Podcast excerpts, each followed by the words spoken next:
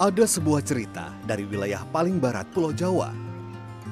Cerita tentang kawasan pesisir memesona yang memanjakan mata.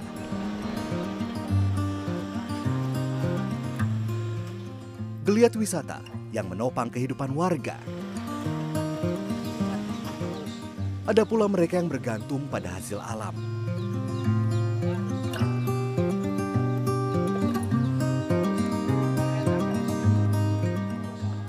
Juga mereka yang setia menjaga eksistensi seni dan budaya yang semakin langka. Inilah cerita perjalanan menjajal rasa, pesona wisata, dan budaya dari selatan Banten.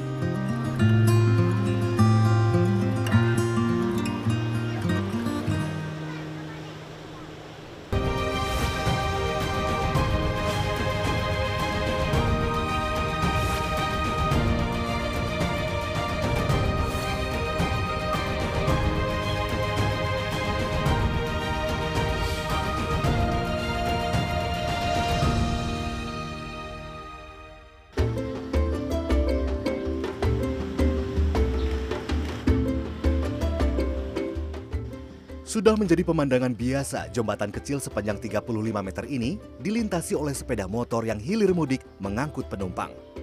Jembatan ini adalah salah satu akses utama menuju objek wisata kawasan pesisir bernama Sawarna. Dari Jakarta, perjalanan menuju desa Sawarna memerlukan waktu tempuh sekitar 5 jam. Berlokasi di Kecamatan Bayah, Kabupaten Lebak, Banten, sedikitnya ada 9 objek wisata di desa Sawarna. Mayoritas adalah pantai, tiket masuknya rata-rata Rp5.000 per orang.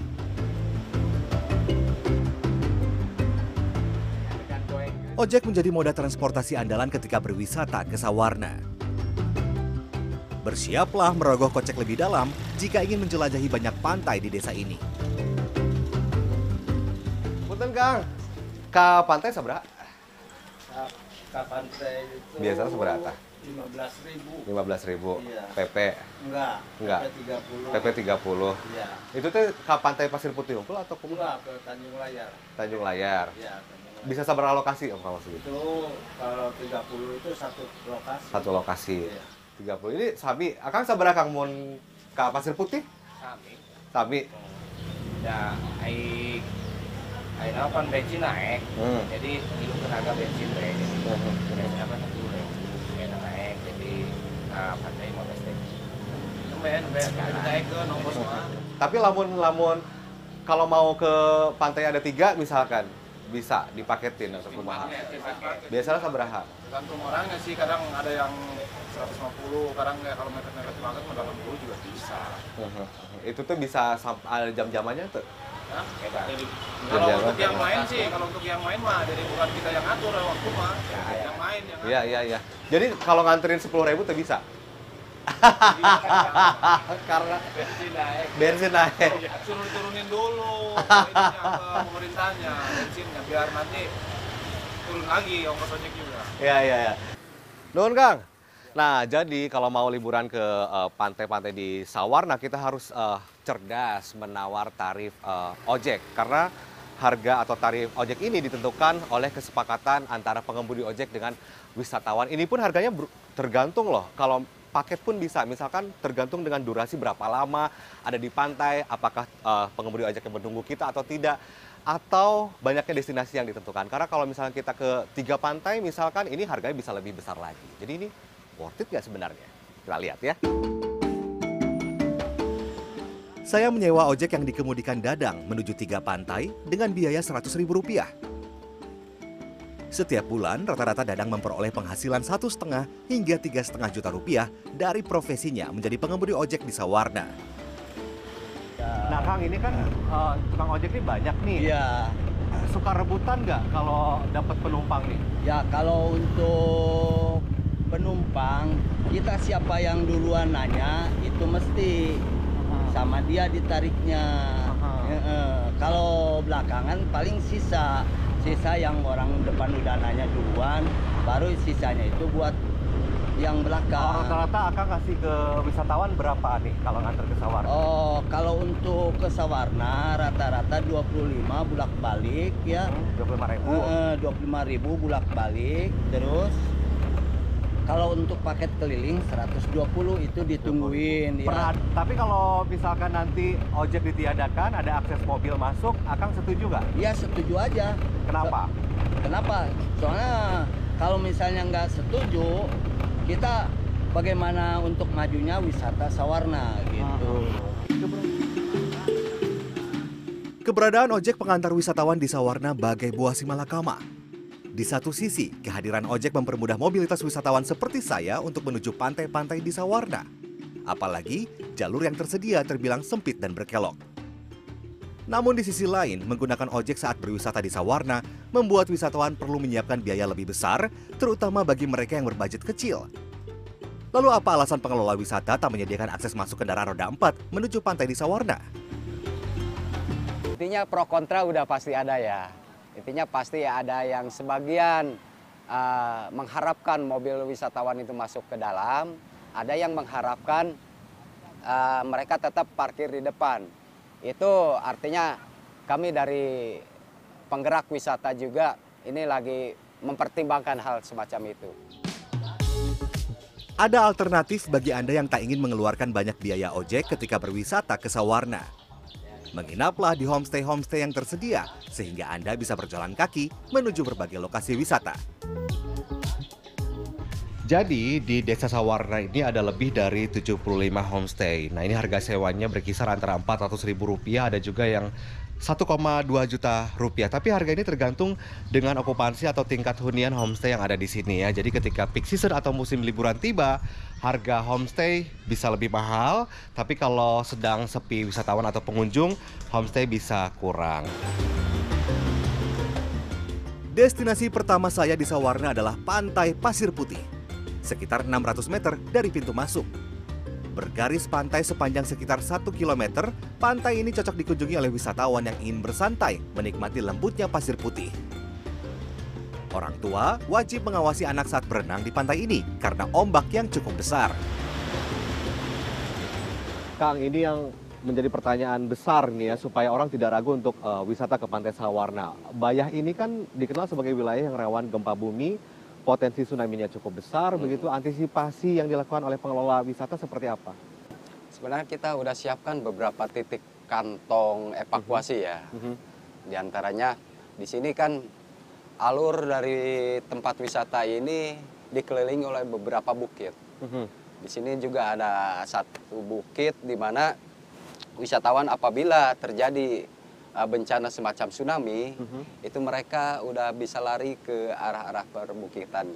Nanti yang nanti di bawah nanti ini. nanti siapa yang akan memperingati wisatawan nih? Kang? Biasanya kita kalau misalkan terjadi uh, tsunami, kita udah bergabung ada di grup yang namanya grup BPBD dan uh, bagian-bagian informasi terkait bencana tersebut. Mhm. Dan juga di sini juga kita biasa warning Mhm. di pos lifeguard juga Mhm. itu bisa dipergunakan di situ juga dan di masjid-masjid yang terdekat Dengan pengeras suara. dengan pengeras suara. Dengan pengeras suara. Dengan Jadi uh, sudah Jadi- sudah ada uh, pelatihan mungkin atau seperti Iya, apa? seperti itulah kita. Mhm, mhm. Kita selalu continue pelatihan di mana kalau misalkan ini terjadi bencana, kita antisipasinya begitu. Tapi selalu ada tim rescue ya di area pesisir pantai ini ya? Selalu setiap hari, Mhm. setiap hari kita pasang dari pengelola juga pasang uh, apa penyelamat-penyelamat balawista juga di sini.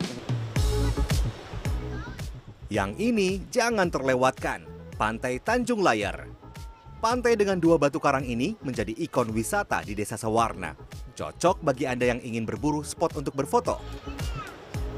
Dua batu karang ini mitosnya adalah perwujudan dari layar perahu Sangkuriang, sebuah legenda yang cukup populer di Jawa Barat. Tapi berdasarkan sejumlah penelitian, batu karang ini tersusun dari batuan sedimen, yaitu ada breksi, ada tuflapili, dan juga ada batu pasir. Usianya ini lebih dari 20 juta tahun. Nah, karang-karang di sekitarnya juga menarik dan indah sekali karena permukaannya dibentuk oleh hempasan ombak di pantai ini.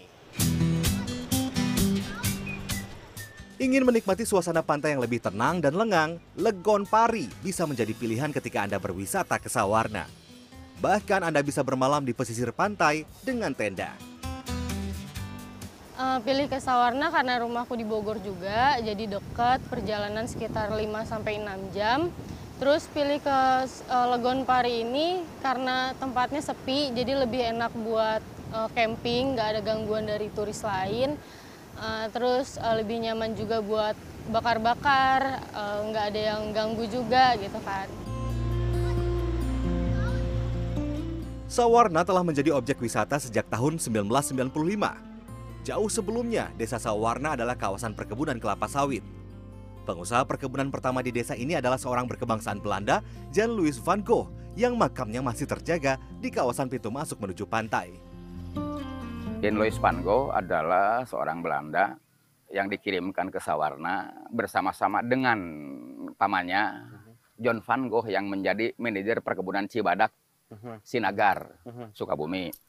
Dia dikirimkan ke sini menjadi manajer perkebunan di sini dengan membawa beberapa tenaga kerja dari luar daerah. Untuk Jadi jadi dulu ini adalah perkebunan, perkebunan Iya. kelapa. ya perkebunan pelat- kelapa Belanda karena ini dulu kan bibit-bibit kelapa ini dari Sulawesi bawa ke sini sebagai bibit unggul ya. Kemudian wafat di sini. Dia wafat di sini pada tahun 1800 1930 eh, tanggal 29 Maret ya. Mhm. Dalam artian dia usia 30 Wafat karena karena dia terkena penyakit malaria. jadi penyebutan Sawarna eh, ada makna tersendiri atau Ada beberapa bahasa atau sebutan dari masyarakat. Pertama, sawarna itu dari bahasa Sangsakerta. Mhm. Swarna, artinya emas. Mhm. Kedua ada sorana, suarna ke mana-mana, akan terkenal ke mana-mana Mhm, gitu. mhm. Ketiga, sawarna ini dulu dari sepanjang sungai Cisawarna sampai ke atas. Ini warga masyarakatnya punya penyakit hapur, Mhm, ya putih semua. mhm. kulit begitu ya. Dihuni oleh 1.370 keluarga, Sawarna kini menjadi desa wisata penopang kehidupan warganya. Sesuai dengan namanya, Sawarna yang berarti satu warna. Desa ini memberikan warna tersendiri di Banten Selatan dengan garis pantainya yang memesona.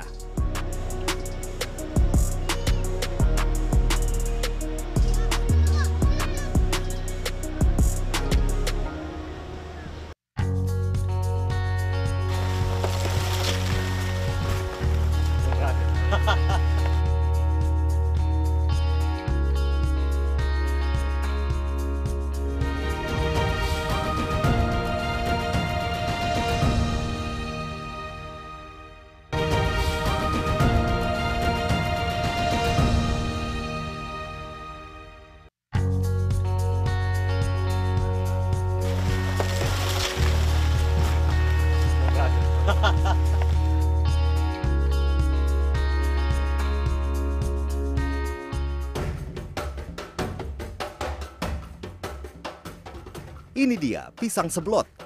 Jenis pisang yang digunakan oleh warga sebagai bahan baku pembuatan sale. Sekilas bentuknya mirip pisang kepok siam. Kali ini saya akan melihat bagaimana warga desa Cilograng mengolahnya menjadi sale. Kang, jadi yang cocok dijadiin sale itu yang kayak gimana usia pisangnya? Eh sebetulnya ini juga udah masuk sih, tapi Mhm. kalau misalkan ada yang lebih tua lebih bagus. Lebih tua lebih bagus. Eh, warnanya masih hijau gini masih bisa sebenarnya. Bisa sebetulnya. Cuma nanti kalau misalkan kayak seperti ini, ini lebih lebih tua ya. Kalau Mhm. ini kurang.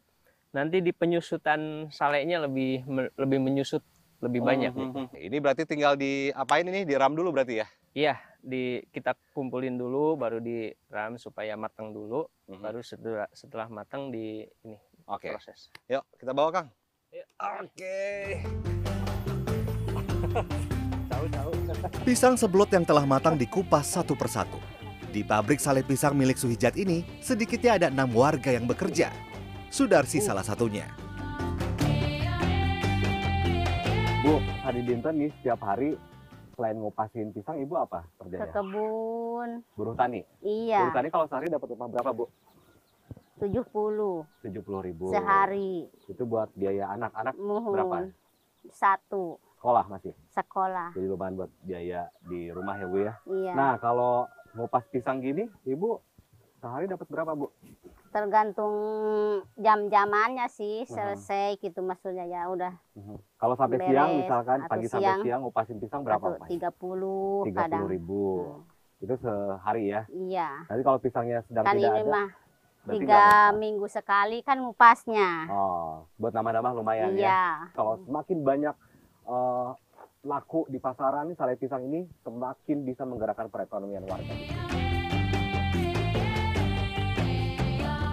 Sale pisang adalah penganan khas Kabupaten Lebak, terutama di wilayah selatan Banten.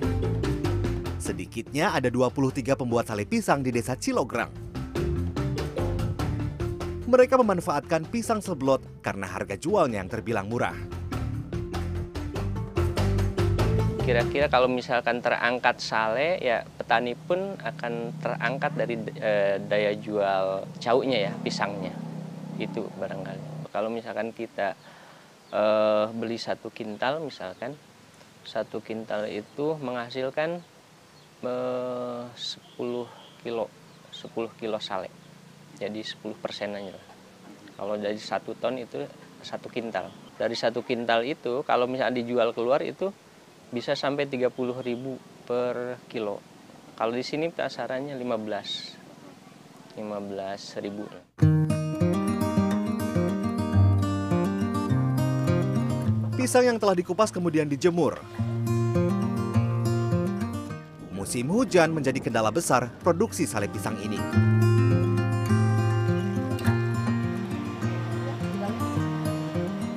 Selain dijemur, pisang juga diasapi beberapa kali agar kandungan airnya berkurang.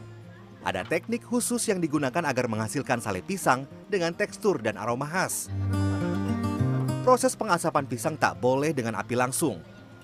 Kayu bakar yang digunakan pun tak sembarangan.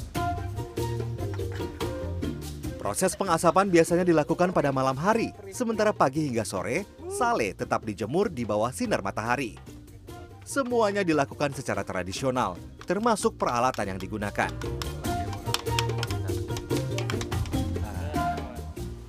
Jadi proses pembuatan sale pisang ini panjang sekali. Ini sekitar lima hari setelah proses diasap, dijemur, diasap, dijemur.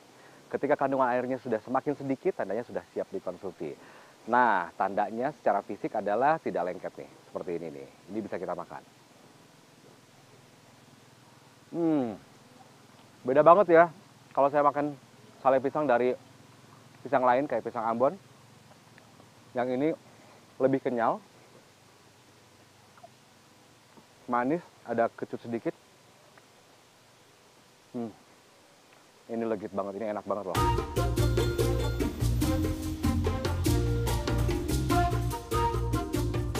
Sale pisang kemudian dipipihkan. Meski dikenal sebagai makanan khas Banten, sale pisang seblot masih luput dari perhatian pemerintah, terutama dalam hal promosi dan pemasaran. Selain pemasaran, pengembangan produk sale pisang juga masih terkendala permodalan. Sayangnya, belum ada kelompok usaha sale pisang di desa Cilograng. Padahal, sale pisang seblot berpotensi besar untuk dikembangkan di desa ini. kami eh, membuat kepada masyarakat untuk membuat kelompok kelompok usaha yang insya Allah kami dari pemerintahan desa kalaupun memang sudah terbentuk sebuah kelompok sedikit banyak akan membantu dari pemerintahan desa baik itu anggaran dari desa dan mungkin akan diajukan ke kabupaten atau ke yang lain.